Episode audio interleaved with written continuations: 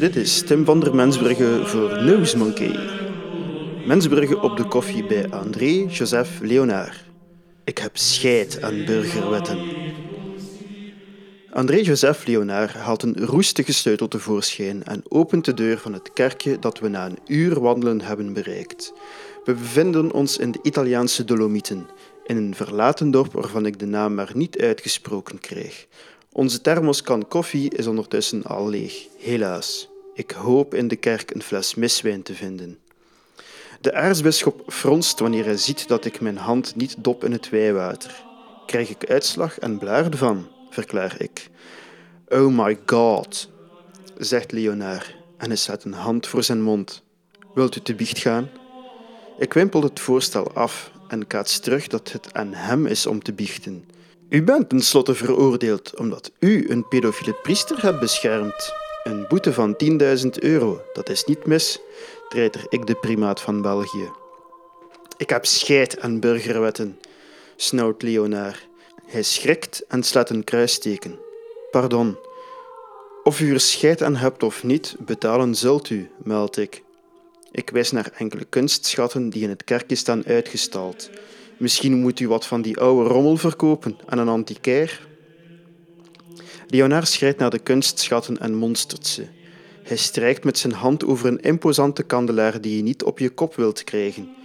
Hoeveel zouden ze daarvoor geven? vraagt hij. Het zou u sieren dat u die boete uit eigen zak betaalt. Ten slotte is het door uw schuldig verzuim dat een minderjarig slachtoffer zo lang misbruikt is, zeg ik. Als Gilbert naar mijn advies had geluisterd, dan waren al die verschrikkelijke dingen niet gebeurd, mompelt de aartsbisschop. Ik had hem nogthans op het hart gedrukt om te bidden en te bidden. Dus u gelooft dat een pedofiel zijn lusten kan onderdrukken door met gevouwen handen te vezelen tegen de een of andere grotheid? Spot ik. Kom aan, monseigneur, dat is naïef. Leonard lost een zucht die vanuit de onderste regionen van zijn longen komt. Heb ik iets gezegd over gevouwen handen? Bidden heeft negentien betekenissen die elke priester kent.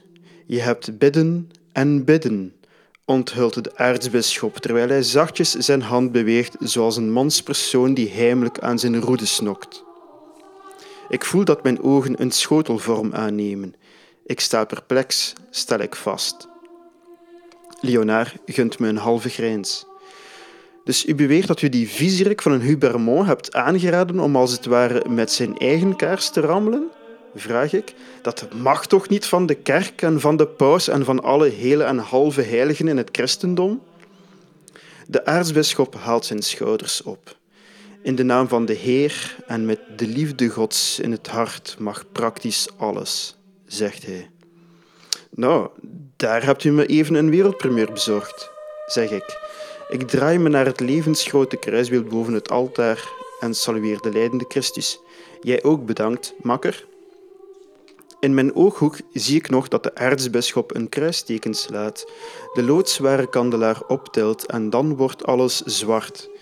Ik zou u graag vertellen hoe een schedelbreuk voelt, maar ik lig nogal definitief in coma, vrees ik. Mijn laatste wens is dat André Joseph Leonard niet naast mijn sterfbed zit te bidden.